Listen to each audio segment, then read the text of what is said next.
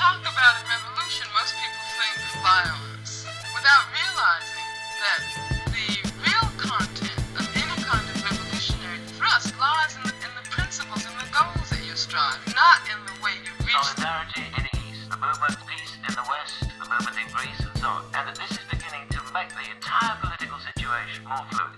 Emancypację. Podcast o społeczeństwach tworzących historię. Fuck the police coming straight young nigga got it bad cause I'm brown. And not the other color, so police think they have the authority to kill a minority. Fuck that shit cause I ain't the one for a punk motherfucker with a badge and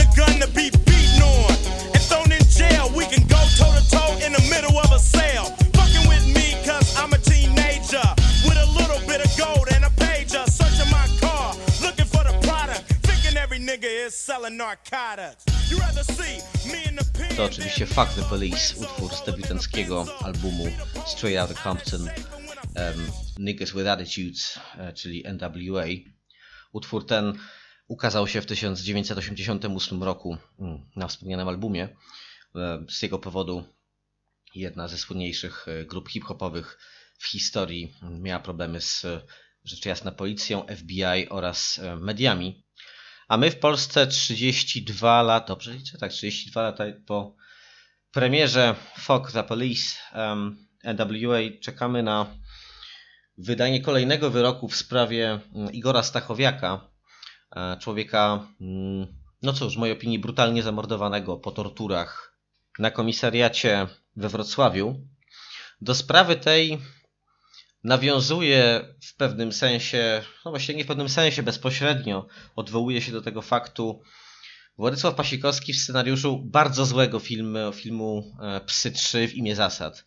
E, Filmu stanowiącego kontynuację mm, dyptyku e, klasycznego dla polskiego kina, tak klasycznego mm, polskiego kina akcji. Mm, Ważnego pod wieloma względami, natomiast e, my dzisiaj nie o tym, choć zahaczymy trochę o popkulturę, jak zresztą zapowiadałem e, na Facebooku. Tak się przypadkowo trochę chyba zbiegły te dwie okazje premiera trzeciej części Psów e, Pasikowskiego mm, z plejadą gwiazd polskiego kina, no i również z tymi aktorami, mm, role których w pierwszych dwóch częściach przyczyniły się do no, niebywałego rozwoju ich karier w latach 90. Zatem premiera trzeciej części Psów zbiegła się, no może nie zupełnie, ale okazała się mieć miejsce blisko e, momentu, w którym zapadnie mm, wyrok, bowiem 19 lutego Sąd e, Okręgowy we Wrocławiu wyda wyrok po apelacjach złożonych przez e, obydwie strony. Porozmawiamy zatem o policji. Będzie to nasze 11 spotkanie, 11 odcinek emancypacji. Przypomnę, że wszystkie odcinki można za darmo odsłuchiwać e, na SoundCloudzie lub na Spotify. E, Wszystkie linki znajdziecie mm, na Facebooku, tam najlepiej e, nas szukać. Policja obecna jest w naszym życiu niemal codziennie i to właściwie od najmłodszych lat. Bynajmniej nie dlatego, że większość nas, e, z nas doświadcza problemów z prawem już jako pacholęcia, e, lecz z powodu zakorzenienia wizerunku policjanta i policyjnych artefaktów, takich jak mundur, radiowóz, syreny, lizaki drogowe, kajdanki, pałki oraz broń palna w naszej kulturze. E, Policyjne gadżety uatrakcyjniają dziecięce zabawy, mm, policjantów, szeryfów, detektywów e, itd. Przemysł rozrywkowy e, we wszelkich jego odsłonach eksploatuje tematy policyjne nieustannie. E, W serialach, w filmach, literaturze, grach wideo, e, modzie odzieżowej, gadżetach erotycznych czy nie wiem, escape roomach. E, Wszystko to wydaje się dziś tak oczywistym składnikiem rzeczywistości, że kolejne analizy wpływu instytucji policji na współczesne społeczeństwo no, toną w truizmach e, i często stają się zwyczajnie nudne. Z drugiej strony, obecność policji w kulturze posiada wyraźny rys komiczny.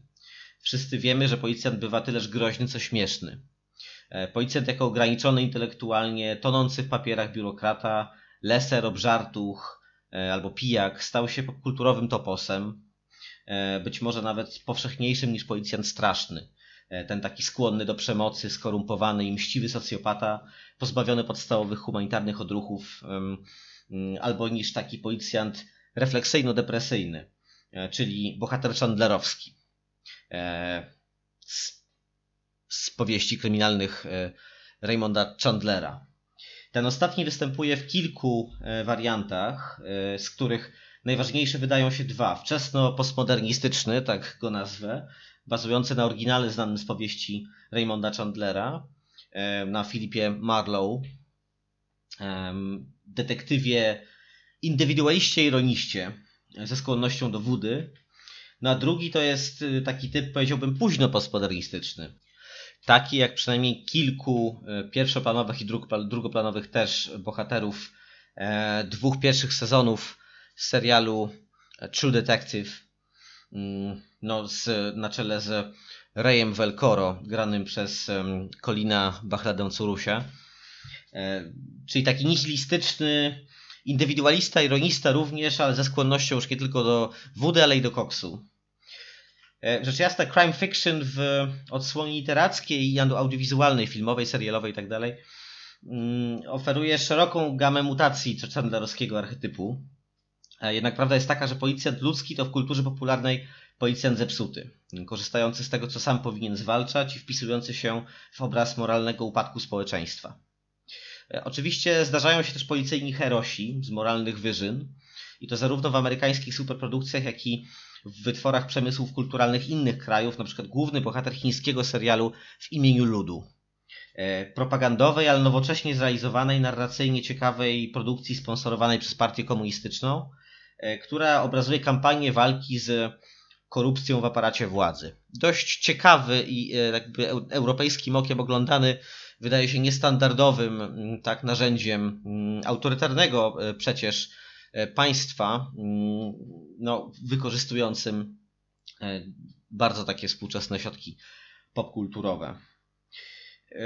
W takich przypadkach jednak, jak w tym serialu, na ową moralną wyżynę prowadzi jednak zasada exitus acta probat, tak? czyli no, celu święca środki i te środki często są pełne okrucieństwa. Kulturowa siła policji wydaje się zależeć zatem od skali głupoty, degeneracji, autodestrukcji i żałosności jej pracowników. E, no właśnie, pracowników, tak? Tu pojawia się kolejny kłopot, bowiem status policjantów i policjantek jako pracownic najemnych wydaje się ambiwalentny. E, policja to społeczność niehierarchiczna, zorganizowana na zasadzie nierówności, posiadająca związki zawodowe, znajdująca się pod silną presją organów zwierzchnich, jednocześnie zatrudnione w niej osoby posiadają uprawnienia zupełnie odmienne od lwiej części e, pracowników i pracownic wszelkich branż, w tym także innych struktur urzędniczych państwa. Stanowią jedną z instancji wykonawczych państwowego monopolu na przemoc. Nie jest to kompetencja nadawana jej bezwarunkowo, a korzystanie z niej mm, podlega dość ścisłej reglamentacji. Niemniej pozycja zatrudnionych w policji w stosunku do reszty świata pracy jest specyficzna. Może być ona bowiem egzekwowana w celu zdławienia akcji e, na rzecz interesu klasowego, który teoretycznie powinien być też interesem klasowym osób, które swe etatowe obowiązki wykonują nie za pomocą łopaty, maszyny produkcyjnej, klawiatury albo umiejętności dydaktycznych, e, lecz wykorzystując kartoteki, pałki i kajdanki. E, jeszcze wrócimy do mm, kwestii hierarchii policyjnej wewnątrz tej służby. Społeczne znaczenie policji napędza więc paradoks śmiech wywoływany przez figurę umundurowanego błazna oraz strach przed realną mocą represyjną instytucji. Cóż, sprzeczność ta stanowi właściwie fundament współczesnego życia, aplikując ją, do, aplikując ją szerzej, mm, niżeli tylko do istnienia konkretnej instytucji, jaką jest policja, można rozumieć ją po prostu jako mm, zasady kija i marchewki, albo jakiegoś innego rodzaju dychotomia, tak? Nie wiem, taniec e, Erosa z Thanatosem, który trwa całe życie, aż nas, aż nas szlak trafi. Natomiast jeśli przejrzymy się nieco dokładniej historii mm, nowoczesnej koncepcji czegoś takiego jak policja, mm, no to przekonamy się, że ten aspekt komiczny, tak, czy aspekt, e, no właśnie wynikający raczej z przekonania o wartości szczęścia większej niż e, porządku dla samego porządku, jest tutaj kluczowy. Mm, to znaczy, e, kwestia prymatu szczęścia leży u podstaw nowoczesnej mm, policji, a nie czysta mm, biurokratyczno-fizyczna brutalność. Relacja między władzą a policją też bywa skomplikowana i pełna sprzeczności. Policja nie jest bowiem jedynie przedłużeniem ramienia władzy.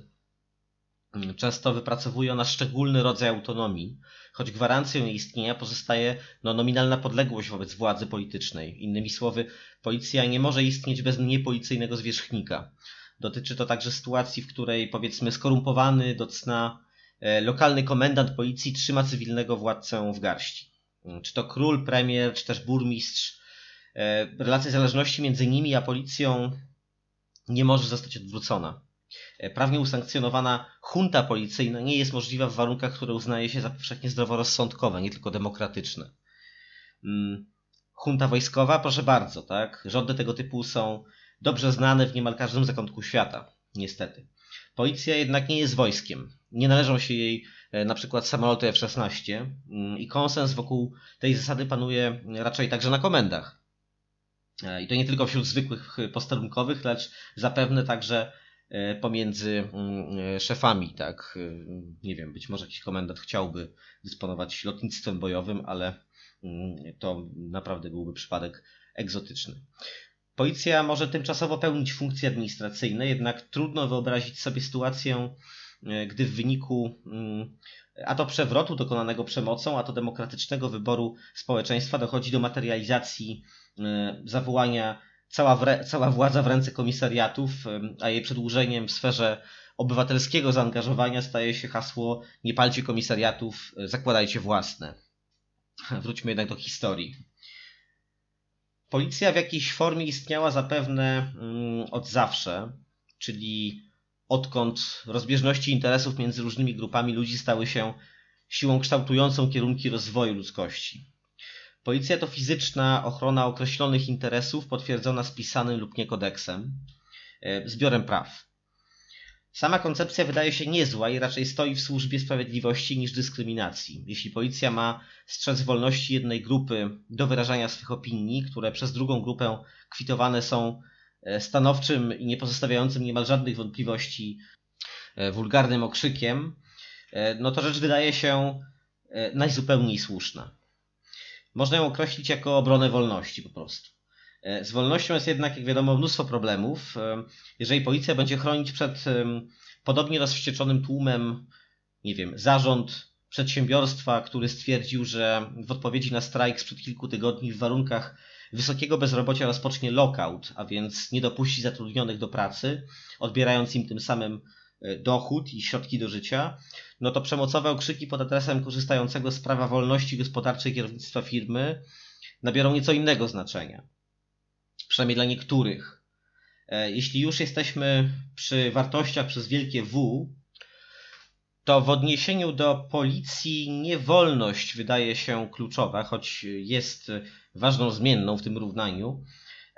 Lecz e, no tutaj priorytetowe znaczenie powinno mieć, uwaga, szczęście właśnie wspomniane z wolnością y, owo szczęście łączą relacje no, niebywale skomplikowane, niebywale zawiłe. Y, chociażby dlatego, poza całym mnóstwem innych kontekstów, y, chociażby dlatego, że to, co dla jednego jest źródłem szczęścia, może być dla innego źródłem braku wolności, oczywiście, ale dlatego też, że na przykład w starożytnej Grecji pierwszymi policjantami byli niewolnicy. E, i niewolnicy, a więc osoby pozbawione wolności, były wykorzystywane do pełnienia funkcji policyjnych w bardzo wielu społeczeństwach, e, w bardzo wielu okresach historii. Owo szczęście pojawia się jako fundamentalny cel istnienia nowoczesnego państwa w filozofii angielskiego e, myśliciela Jeremiego Benthama. Skoro ludzie poszukują w życiu cielesnych przyjemności, spełniają się poprzez odczuwanie szczęścia, to struktury sprawujące nadzór i władzę nad jednostkami również powinny dążyć do zagwarantowania szczęścia ogółowi. Bentham pamiętany jest dziś głównie za sprawą koncepcji panoptykonu, więzienia, które dzięki swej konstrukcji buduje w osadzonych przekonanie, że znajdują się pod ciągłą obserwacją. Jednocześnie ogranicza mm, ono realną obsadę strażników. Mm, każdy obserwuje każdego, e, choć go nie widzi. Społeczeństwo pozostaje więc w napięciu i pełne obawy reguluje się samo do pewnego stopnia, e, co ogranicza faktyczne stosowanie przemocy w założeniu.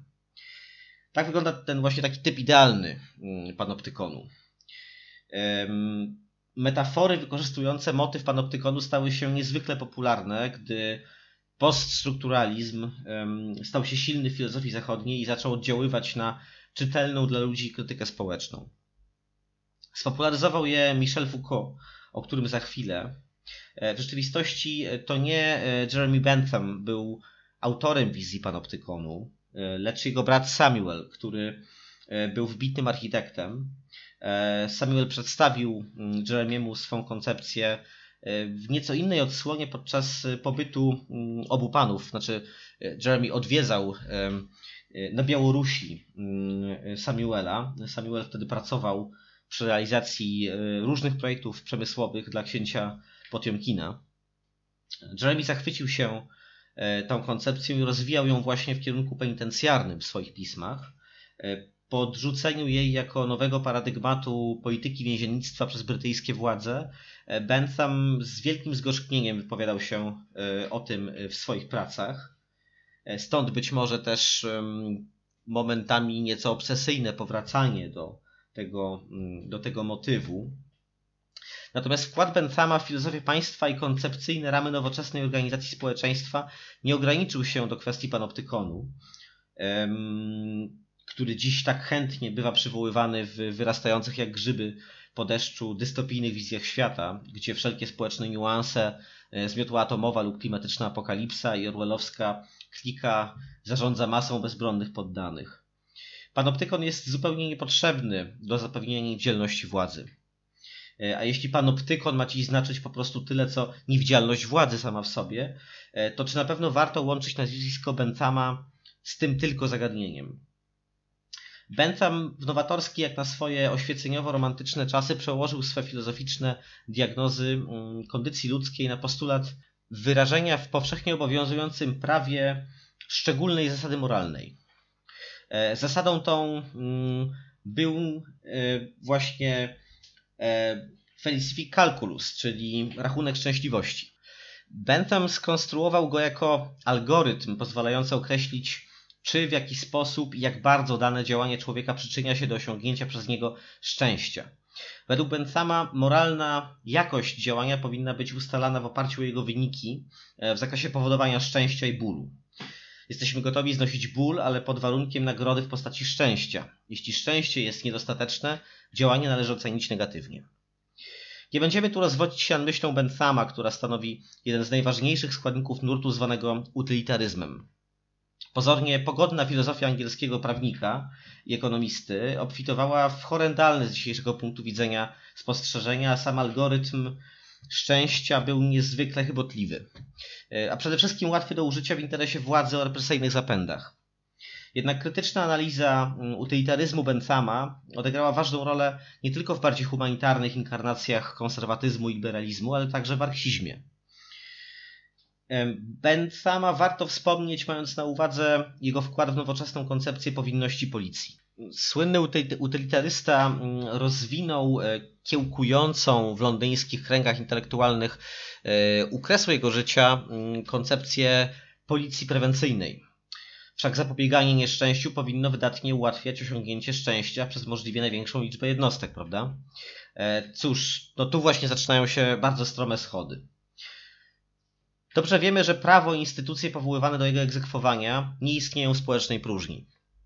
Prawo nie jest więc, wbrew zamysłom Benthama, neutralne politycznie, lecz stanowi wytwór pewnego politycznego kompromisu lub po prostu przeforsowania swych interesów przez silniejszych. Michel Foucault, który chętnie i w sugestywny sposób wykorzystywał odwołania do benthamowskich koncepcji nadzoru nad społeczeństwem, był zagorzałym krytykiem policyjnej przemocy. Pozostaje on też wzorem intelektualisty zaangażowanego, zrewoltowanego, choć e, nie brakuje też w mojej ocenie przekonujących wniosków badaczy życia francuskiego myśliciela, e, wskazujących na bardzo ograniczony i często zaskakująco płytki, mm, jak na rozsmakowanego w nierzadko patetycznym niuansie intelektualnym Foucault, e, no, charakter jego politycznych poglądów. Jednak Foucault osobiście doświadczył represyjnego charakteru wielu instytucji organizujących nasze życie i myślenie o jego celach rodziny, medycyny ze szczególnym uwzględnieniem psychiatrii, sądów, partii i policji, mm, w tym także polskiej bezpieki, która posunęła się do prowokacji na tle seksualnym, aby wykurzyć go z Polski, gdzie krótko pracował w Centrum Francuskim Uniwersytetu Warszawskiego. Autor e, między, między innymi nadzorować i karać oraz historii seksualności. Mm, o policji wypowiadał się w sposób bezkompromisowy. Tu cytat. Przestępstwo jest zbyt pożyteczne, aby można było marzyć o tak niedorzecznej i tak w końcu niebezpiecznej sprawie, mm, jak społeczeństwo bez przestępstw. Bez przestępstwa nie ma policji.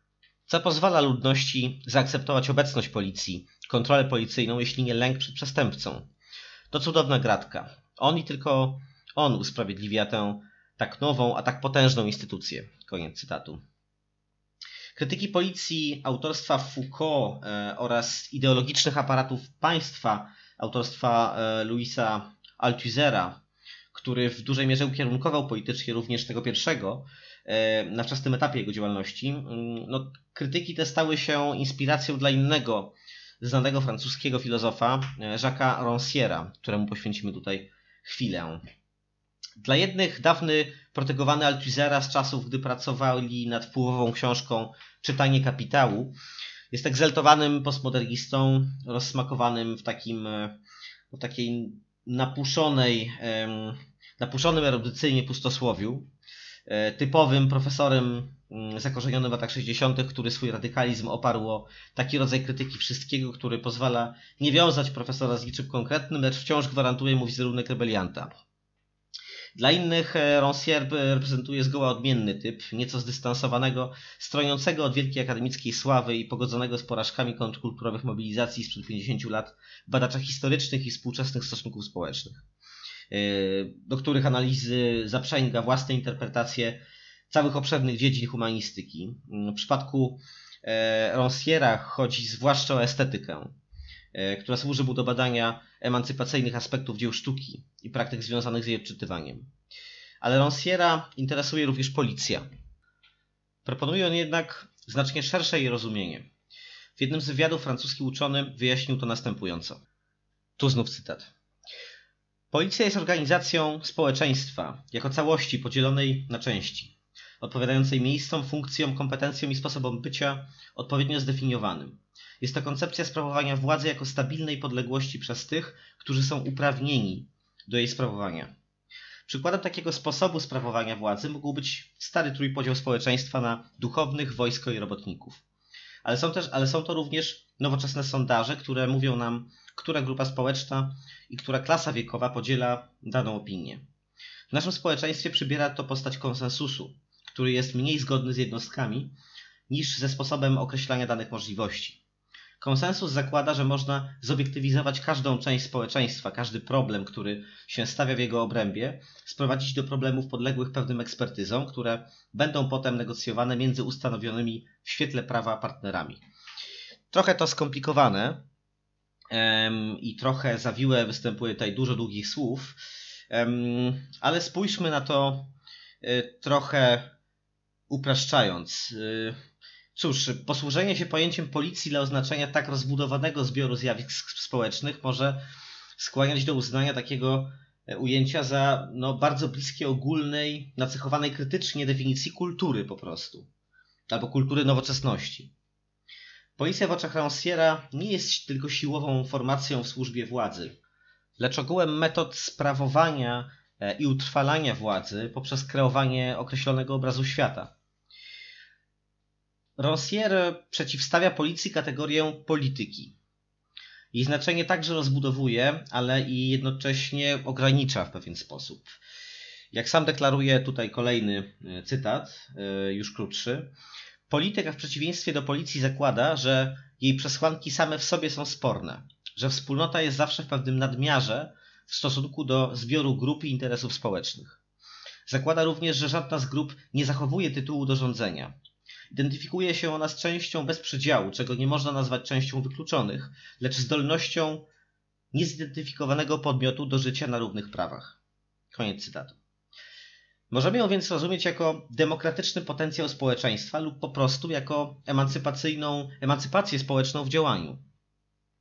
Tak pojmowana polityka jawi się więc jako etyczny atrybut, e, a zarazem no, narzędzie mm, służące osiągnięciu wolności Natomiast policja to dławiący ową wolność system nadzoru i dyscypliny. Jaki z tego wniosek? Jebać policję, by zacytować popularny uliczny e, zwrot, skoro ramy znanej nam i dostępnej rzeczywistości są z założenia opresyjne i ograniczające, ograni- e, wyzwolenie możliwe jest tylko przez radykalną przebudowę społeczną, zdruzgotanie świata policyjnych restrykcji. E, Roncier jednak, poturbowany przez wielkie polityczne namiętności XX wieku, nie wydaje się dziś wcale szczególnie skory do jednoznacznego nawoływania do burzącej stary porządek rewolucji. Przeciwnie, jego wyzwoleńcza polityka obfituje w teoretyczne meandry, pesymistyczne sublimacje dawnych ideologicznych porywów, e, a przekraczanie granic wytyczanych e, przez kapitalistyczny system odbywa się u Ranciera przeważnie nader subtelnie, poprzez krytykę sztuki i analizowanie jej rozmaitych społecznych kontekstów. Jebanie policji oznacza dla niegdysiejszego ucznia i współ- współpracownika Althusera zwrócenie się także, a może przede wszystkim, e, przeciwko instytucjonalnym mechanizmom wytwarzania wiedzy, a wobec tego przeciwko oficjalnej nauce i akademii. Należy właściwie zawsze być w konstruktywnej, czerpiącej z dorobku struktur panujących opozycji, w jego ujęciu. Nie tylko w stosunku do najbardziej ewidentnych odsłon kapitalistycznej dominacji, lecz również w stosunku do konkurentów usiłujących być równie opozycyjnymi. Z pewnością wiele krytycznych twierdzeń Ranciera skierowanych do wewnątrz jego własnego środowiska, a więc świata akademickiego, jest jednocześnie słusznych i atrakcyjnie sformułowanych, co pozwala rozruszać nieco wyeksploatowane anarchoakademickie tyrady pod adresem zinstytucjo- zinstytucjonalizowanej mm, edukacji. Alain Badiou zauważył niegdyś, że największą tragedią dla, dla Ranciera byłoby, gdyby ktoś się, ktoś taki jak sam Badiou, y, zgodził się z nim. E, Jean Baudrillard z Korei e, postrzegał poglądy Ranciera jako e, swoisty, no taki marksizm malkontencki, to jest moje określenie, nie, nie, nie Baudrillarda. Chodzi tu o no, nihilistyczne narzekanie na wszelkie składniki kulturowej współczesności. Jeśli zgodzimy się z tymi dwoma krytykami Ranciera, to jebanie policji w jego wydaniu jawić się musi jako typowa fotelowo-gabinetowa praktyka, taka powiedział, quasi-wywrotowa. E, raczej intelektualny slaktywizm, tak, niż radykalne zaangażowanie.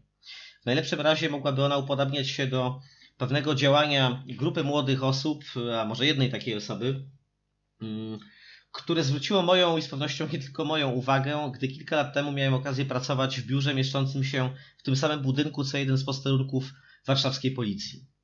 Na drzwiach wejściowych do kamienicy goszczącej zarówno siedzibę jednostki omawianej służby mundurowej, jak i mego ówczesnego pracodawcy, mm, operującego zresztą w całkowicie niezwiązanej z policją branży, e, no regularnie widniał pewien napis. Regularnie zamazywano go też, pokrywając warstwą farby koloru brązowego, mm, lecz niemal natychmiast pojawiał się w tym samym miejscu na powrót. E, Składały się nań dwie litery mm, J i P, e, zazwyczaj wykonane farbą w sprayu w kolorze złotym lub czarnym. Inskrypcja ta była oczywiście skrótem przywoływanego już e, powyżej hasła jebać policję. Mm, Niekiedy umieszczano mm, obok siebie kilka podobnych napisów, również uzupełnionych o dane liczbowe, to znaczy 100%, mm, określające intensywność, z jaką rzeczone jebanie miało być przeprowadzane. E, Gra w kotka i myszkę między autorami lub y, autorkami wykonanych sprayem obelżywych epigrafów, a strzegącymi porządku publicznego adresatami tych komunikatów, e, no była nieustanna. Bez wątpienia ów akt antypolicyjnej dywersji wywołał pewną realną rysę na wizerunku publicznej instytucji, mm, lecz nie naruszał pozycji e, policji w szerszym wymiarze i w sposób trwały. Cały czyn nie był niczym ponad łobuzerski dowcip, e, a krytyka policji e, w wydaniu Ranciera, choć retorycznie podniosła i intelektualnie nasycona, nie wydaje się znajdować rozwinięcia w jakiejkolwiek długofalowej praktyce społecznego oporu przeciw władzy.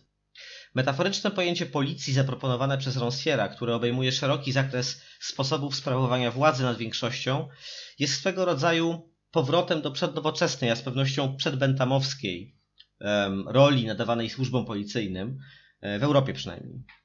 Zanim przełom XIX i XX wieku przyniósł liberalną redefinicję tego terminu, mianem policji określano obszerny i zmieniający się na przestrzeni lat wachlarz zadań związanych z rządzeniem społeczeństwem, e, zorganizowanym w oparciu o feudalne dystynkcje. Nie chodziło jedynie o pilnowanie porządku, lecz o realizowanie większości funkcji państwa. E, Krótko mówiąc, policja w przeszłości nie była pojedynczą instytucją. Grecki termin politeia posiadał znaczenie bliskie współczesnemu obywatelstwu. E, status obywatela oznaczał nie tyle samą idealistycznie pojmowaną wolność i swobodę, ale podleganie rządzeniu, podporządkowanie administracji władzy. Politeia przefiltrowana przez inne języki i historie nabierała nowych znaczeń, aby w dobie oświeceniowego absolutyzmu stać się pojęciem odnoszącym się do konkretnego podmiotu. Choć ówczesna policja miała przede wszystkim charakter organu przymusu siłowego, a jej kompetencje obejmowały głębokie ingerowanie w życie ludzi, nie była już tożsama z administracją publiczną. Metamorfoza zadań policji przyniosła zawężenie pola jej oficjalnych zainteresowań i uprawnień, jednak nie spowodowała znaczącej zmiany w zakresie podejścia do stosowania przemocy przez funkcjonariuszy. Chociaż być może zręczniej powiedzieć będzie, że choć policyjne regulaminy i taktyki operacyjne stopniowo dostosowywano do warunków etycznej ewolucji polityk publicznych, nasiąkających dyskursem praw człowieka, poszanowania odmienności kulturowej, równości płci itd., tak to równolegle zachodził proces militaryzacji policji. E, militaryzacji w oparciu o wyekwipowanie jej w wytwory najnowszych technologii. Zimna wojna przyniosła niebywałą technicyzację operacji policyjnych, co dało początek temu, co obecnie stanowi największą siłę policji, dominację, e, dominację paradygmatu inwigilacyjnego, mm, by tak powiedzieć. Dyskretny nadzór i zdobywanie informacji w sposób niejawny mm, przy wykorzystaniu wyrafinowanych metod śledczych lub zupełnie niewyrafinowanych form korumpowania, zastraszania i manipulowania ludźmi znacznie skuteczniej umacnia pozycję policji niż codzienne wcielanie w życie treści stadionowego zawołania pałą go, pałą go, pałą go przez łeb, tak polska policja zarabia na chleb. Nastąpiło przejście od modelu skoszarowanej bojówki opłacanej z podatków do modelu policji technokratycznej, dla której obsługa pałki służbowej ma już mniejszą wartość niż wykorzystywane w działaniach operacyjnych i strategicznych umiejętności specjalistów, informatyków, psychologów, matematyków i antropologów, czy wreszcie specyficznej, synkretycznej dyscypliny naukowej, jaką jest kryminologia. Tej ostatniej, sporo zawdzięczającej zresztą Bentamowi, pierwotnie przyświecały nie cele policyjne, lecz ambicje dotyczące reorganizacji prawa. Jednak zmiana zainteresowań policji w odpowiedzi na dynamiczny rozwój świata w trakcie i po rewolucji przemysłowej było świadectwem, była świadectwem zacierania się granic między policją, sądownictwem e, i innymi służbami siłowymi w ich, w ich no, dzisiejszym rozumieniu przynajmniej. Oto wielki paradoks. Wraz z humanizacją niektórych działów prawa i ustanawianiem e, ściślejszego nadzoru nad działaniami stróżów porządku, e, ich zakres, zakres tych działań staje się coraz szerszy. Realizowane są one po cichu, a wiedza policji o obywatelach staje się, stale się powiększa, rodząc ryzyko chęci wykorzystywania jej do celów innych niż utrzymanie. Tak ładu społecznego. Ktoś e, mógłby mi zarzucić, że piętnując tutaj działania policji, niesprawiedliwie przyporządkowuje umundurowanym na granatowo funkcjonariuszom czyny, których to nie oni wcale są wykonawcami. E, prawda, niekoniecznie policja słucha naszych rozmów telefonicznych, przeszukuje nasze mieszkania lub pocztę elektroniczną. E, mogą robić to inne służby, których działania regulują inne ustawy i rozporządzenia wykonawcze do tych ustaw, albo niejawne regulaminy. Jednak dla przeciętnej obywatelki i obywatela nieuwikłanych w określone działania o charakterze nielegalnym, miejsce pracy śledzących ją lub go osób nie ma większego znaczenia. E, jeśli ona lub on wie jednak, że jest obserwowana, E, choć nie wie przez kogo dokładnie. E, przecież nie tu mamy do czynienia z właściwym współczesnym panoptykonem. Wróćmy jednak do spraw materialnych, historycznych i bardzo dosadnych. Nie ma policji bezprzysłowiowej i dosłownej pałki. Pała przysłowiowa oznacza także broń palną, a przede wszystkim prawo do korzystania z niej i psychologiczne konsekwencje, jakie stwarza e, to prawo u osób będących jego powiernikami. E, nie, w policji nie pracują sami psychopaci z pociągiem do terroryzowania społeczeństwa za pomocą narzędzi przymusu bezpośredniego. Nie wszyscy występują do policji, aby móc strzelać. Z kolei każde użycie broni powinno być skrupulatnie ewidencjonowane. No, chyba że mamy do czynienia z wywołaną przez policję otwartą wojną, jak w Los Angeles w 1992 roku. Wtedy nie ma czasu na liczenie wystrzelonych nabojów. Zamieszki w Los Angeles w 1992 roku były jednocześnie typowe i wyjątkowe. Typowe bowiem erupcja społecznego gniewu wywołana policyjną brutalnością to zjawisko powtarzające się z dużą częstotliwością. E, wszędzie na świecie właściwie. Szczególnie dramatyczne wypadki mm, te stają się, gdy źródłem gwałtownej reakcji mas jest dyskryminacja na tle rasowym i klasowym. Tak było w 1943 roku, gdy przez Stany Zjednoczone przytoczyła się fala zamieszek o podłożu antylatynoskim, nazwana Zoot Suit Riots. E, nazwa nawiązywała do rodzaju odzieży wykonanej ze znacznej ilości tkaniny, której noszenie w dobie wojennej niedostępności wielu podstawowych dóbr uchodziło za akt ignorancji lub otwarcie antypatriotycznej, e, za otwarcie antypatriotyczną postawę. Tak było też w Londynie w 1985 roku, gdy zamieszki w reakcji na śmierć kobiety podczas przeszukania domu ogarnęły osiedle Broadwater Farm w Tottenhamie.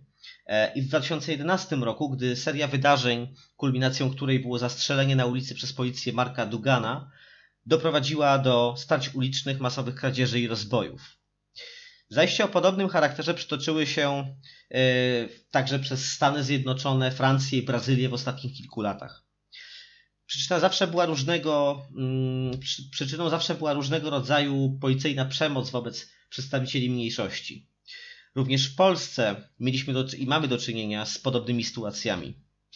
Początkiem zajść na rodzimym podwórku nie są przeważnie akty policyjnego rasizmu, mm, choć drastyczny wyjątek stanowić tu może zamordowanie nigeryjskiego handlarza Maxwella Itoi przez funkcjonariusza policji oraz rozmaite działania wymierzone w Romów. Ze względu na stosunkowo niewielką liczebność diaspor obcokrajowców i względnie niski poziom identyfikacji polskiego społeczeństwa z walką z rasizmem, wydarzeniom tym nie towarzyszyły wielkie uliczne mobilizacje, choć nie przeszły one też bez echa.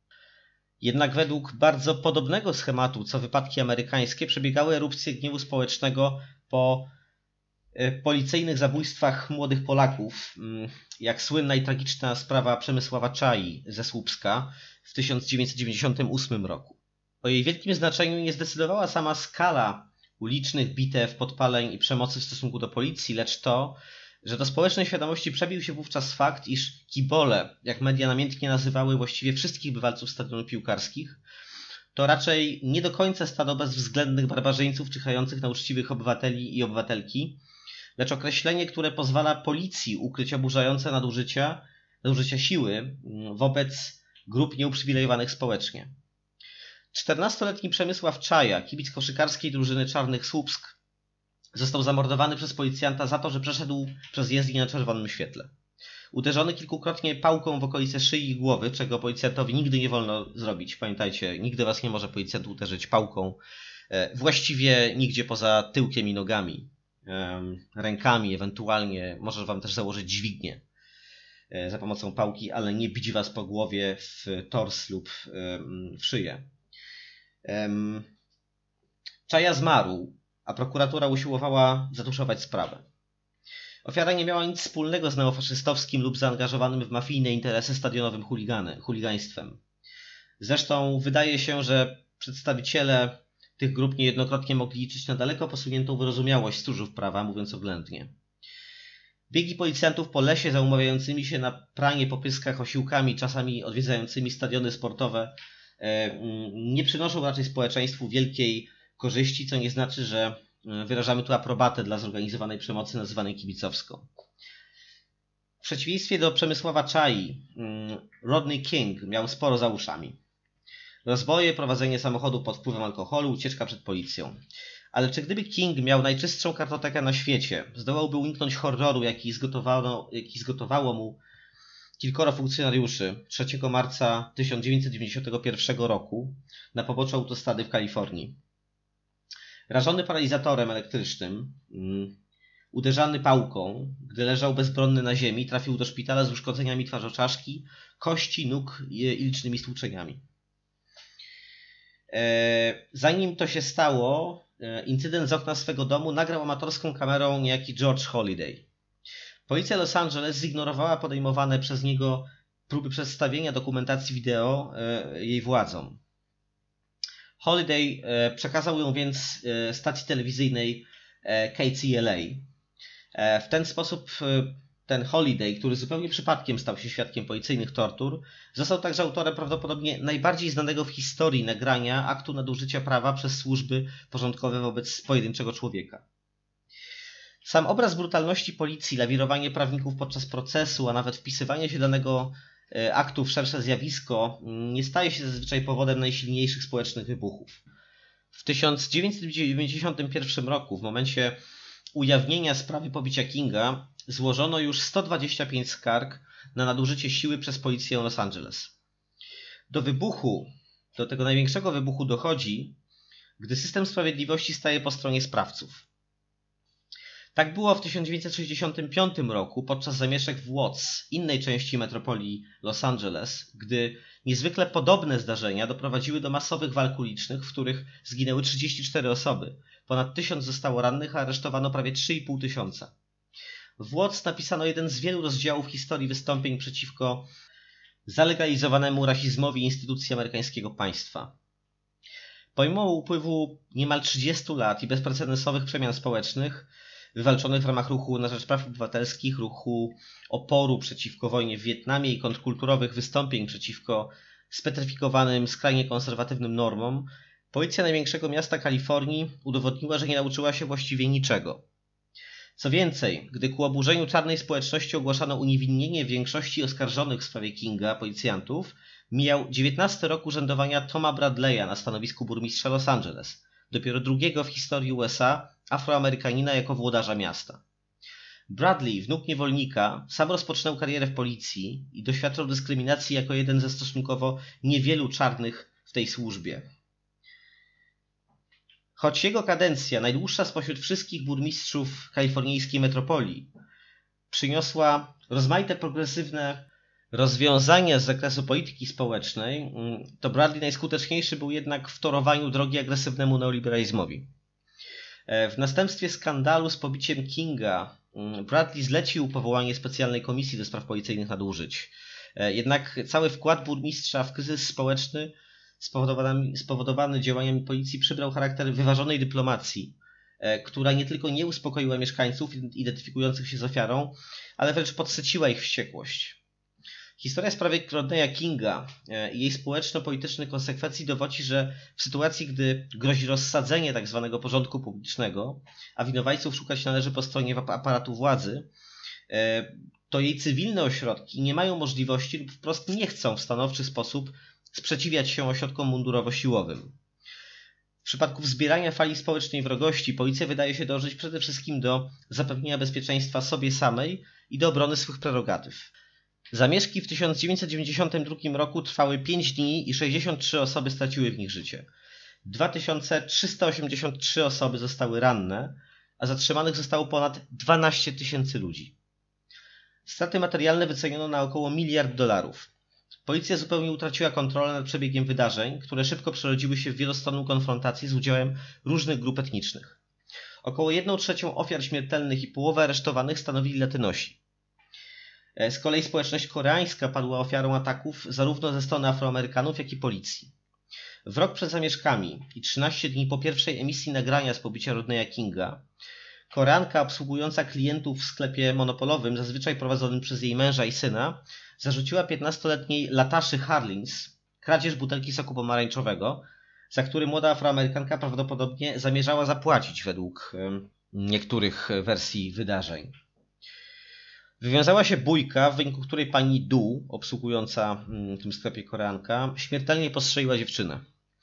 W trakcie zamieszek rzeczywiście dochodziło do ataków, które można uznać za próbę rewanżu ze strony czarnej społeczności. Był to jednak wątek dogodny dla policji sprzyjających jej mediów, które usiłowały przedstawić Afroamerykanów i Koreańczyków jako barbarzyńskich obcych destabilizujących harmonię społeczną Los Angeles, jakoby gwarantowaną przez białą większość.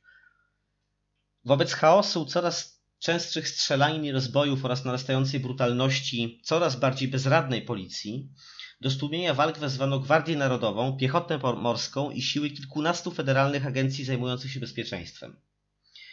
Na ulicach miasta Aniołów, jak to się mówi, e, pojawił się ciężki sprzęt wojskowy oraz żołnierze z pełnym wyposażeniem bitewnym. Czołgi na ulicach, tak? E, można wspominać również w Los Angeles w 1992 roku, a nie tylko tradycyjnie odnośnie stanu wojennego w Polsce. Daryl Gates, e, szef miejscowej policji, stał się e, natomiast symbolem policyjnej brutalności, obłudy i nieudolności. E, gwałtowne i krwawe wydarzenia z 1992 roku unaoczniły amerykańskiemu społeczeństwu, jak głęboka jest korozja więzi społecznych w wieloetnicznych metropoliach, jak głęboka jest dyskryminacja mniejszości i ich wieloaspektowe wykluczenie oraz że pieczę nad trwałością tego stanu rzeczy sprawuje nasiąknięta rasizmem policja. Pewien niewątpliwy postęp w zakresie demokratyzacji życia publicznego, jaki dokonał się w Stanach Zjednoczonych na przestrzeni kilku dziesięcioleci, eliminując lub wydatki ograniczając różne prawnie usankcjonowane przejawy dyskryminacji rasowej, okazał się dalece niewystarczający. Zamieszki w Los Angeles w 1992 roku były analizowane pod kątem najrozmaitszych aspektów. Dziś można chyba powiedzieć, że stały się właściwie paradygmatycznym przykładem kryzysu społecznego z centralną rolą policyjnej przemocy i konfliktu o podłożu kulturowo-klasowym. Cofnijmy się na chwilę w nieco dalszą przeszłość do roku 68, 1968. E, kiedy świat, e, e, kiedy to świat ogarnęło rewolucyjne wrzenie, przybierając różne kształty w poszczególnych krajach. Wspólnym mianownikiem wystąpień społecznych rozgrywających się na ulicach Paryża, Rzymu, Meksyku, Berlina, Nowego Jorku, Pragi, Warszawy i wielu, wielu innych miast była wiodąca lub przynajmniej bardzo znacząca rola studentów. Studentów i studentek. Sławny włoski reżyser i pisarz o wyraźnie lewicowych poglądach Pier Paolo Pasolini za pomocą wiersza odniósł się do jednego z najbardziej znanych ówczesnych zajść, w którym radykalnie lewicowa i prawicowa młodzież starły się nie tylko ze sobą, ale też z policją. Jego wymowa od razu wzbudziła wielkie kontrowersje. Przytoczmy e, więc dłuższy fragment tego utworu. E, utworu, który nosi tytuł w każdym razie Włoska Partia Komunistyczna w ręce młodzieży. Jego polski przekład e, znany jest pod tytułem Nienawidzę was, drodzy studenci. Uwaga, to znaczy, że będę czytał wiersz teraz. Kiedy wczoraj na Wale Giulia tłukliście się z policjantami, ja byłem za policjantami, bo policjanci są dziećmi biedaków. Pochodzą z subtopii, nieważne czy wiejskich, czy miejskich. Co do mnie, dobrze wiem, jak wyglądało ich dzieciństwo, ich dorastanie, tysiąc lirów jak skarb, ich ojcowie, co pozostali chłopcami przez nędzę, która nie wyposaża w autorytet, ich matki żelaste jak tragarz lub kruche wskutek jakiejś choroby jak wróbel. Liczne rodzeństwo, barak w ogródku wśród czerwieni szałwi na cudzych, na cudzych przydziałowych terenach, sutereny na szambach lub mieszkania w ogromnych blokach itd., itd. Spójrzcie ponadto jak ich ubrano. Pajace w tych szorstkich mundurach, które śmierdzą stołówką, koszarami i nędzą. Najgorszy rzecz jasna jest stan psychiczny, do którego ich sprowadzono za 40 tysięcy lirów miesięcznie. Bez uśmiechu, bez przyjaźni ze światem, wyizolowani, samotni, tą samotnością, której nic nie dorówna upodleni utratą tożsamości ludzkiej, na rzecz policyjnej, znienawidzony nienawidzi. Mają po 20 lat tyle co wy, kochani i kochane. W sprzeciwie wobec instytucji policji pozostajemy, ma się rozumieć, zgodni. Ale zadrzyjcie z prokuraturą, a zobaczycie. Ale zadrzyjcie z prokuraturą, a zobaczycie. Młodzi policjanci, których kazało wam tłuc wasze święte chuligaństwo, wzniosłe, e, wzniosłej romantycznej proweniencji, typowe dla wiednych synalków, należą do innej klasy społecznej. Na Wale Giulia wczoraj miał miejsce epizod walki klas. Wy, moi drodzy, choć po słusznej stronie, odgraliście rolę bogatych, a policjanci, którzy racji nie mieli, biedaków. Piękne zatem odnieśliście zwycięstwo. W takich przypadkach, przyjaciele, policjantom daje się kwiaty. Popolo i Corriere i Newsweek i Monde liżą wam dupę. Koniec wiersza, e, a raczej jego fragmentu, ponieważ cały utwór jest dłuższy. E, nie będziemy się tu rozwodzić nad, podsta nad postawą samego Pasoliniego zademonstrowaną w powyższych wersach. E, o zaskakującym, a może i nie rysie konserwatywnym, albo takiej mm, konserwatywnej przekorze przynajmniej i po prostu błędnym odczytaniu pewnych, pewnych wątków tamtych zajść bo robienie burżujskich synalków z, ze studentów e, ma równie długą tradycję co demonizowanie policji w każdej sytuacji i również oparte jest na e, bardzo fałszywym e, odczytaniu pewnych treści klasowych. Zostawmy to. Niechaj jego spostrzeżenia mm, posłużą nam natomiast do przyjrzenia się ważnemu zagadnieniu. Kim są ludzie tworzący policję?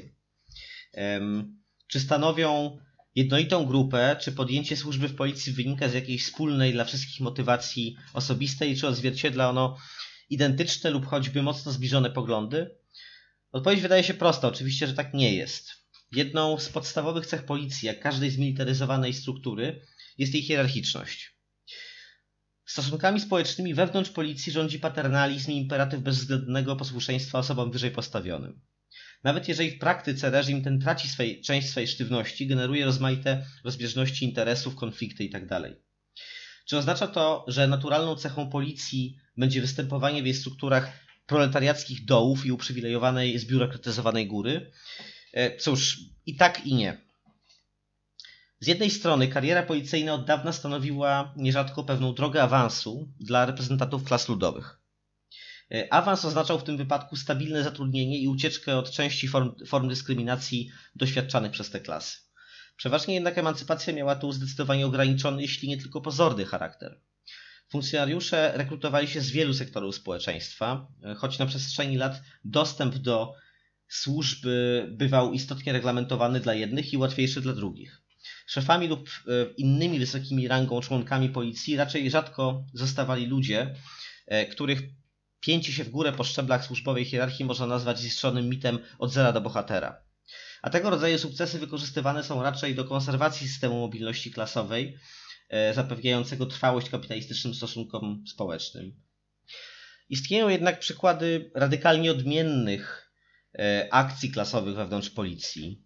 E, Na przykład w latach 1913-1919, e, a więc w okresie obejmującym nie tylko hekatombę I wojny światowej, lecz także rewolucyjne wrzenie, które ogarnęło znaczną część Europy.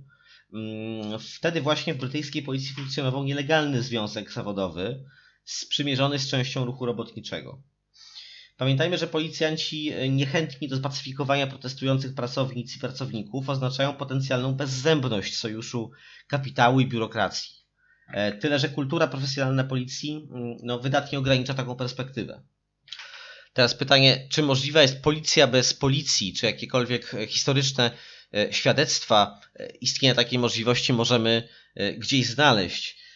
Myślę, że trudno udzielić na to jednoznacznej odpowiedzi, natomiast jeżeli za chwilę wrócimy do tego Ronsierowskiego, jakby to powiedzieć, kulturowego rozumienia policji, czy utożsamiania policji z, no, z czymś znacznie szerszym niż e, tylko instytucja, no to z czasem będziemy musieli dojrzeć fakt, że inna organizacja stosunków rządzących społeczeństwem stwarza inne warunki e, dla funkcjonowania i charakteru policji. Mm, Zadania porządkowe, eliminacja pospolitych przestępstw czy e, jakiegoś rodzaju funkcje administracyjne e, zawsze w każdych warunkach e, i tak będą wykonywane przez ludzi do tego wyselekcjonowanych w jakiś sposób, nawet jeżeli będą to ludowe milicje.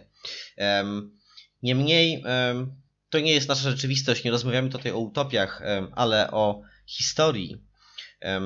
W oczekiwaniu na kolejny wyrok w sprawie Igora Stachowiaka e, żegnam się z Wami w tym odcinku, który tak trochę spontanicznie mm, został wymyślony.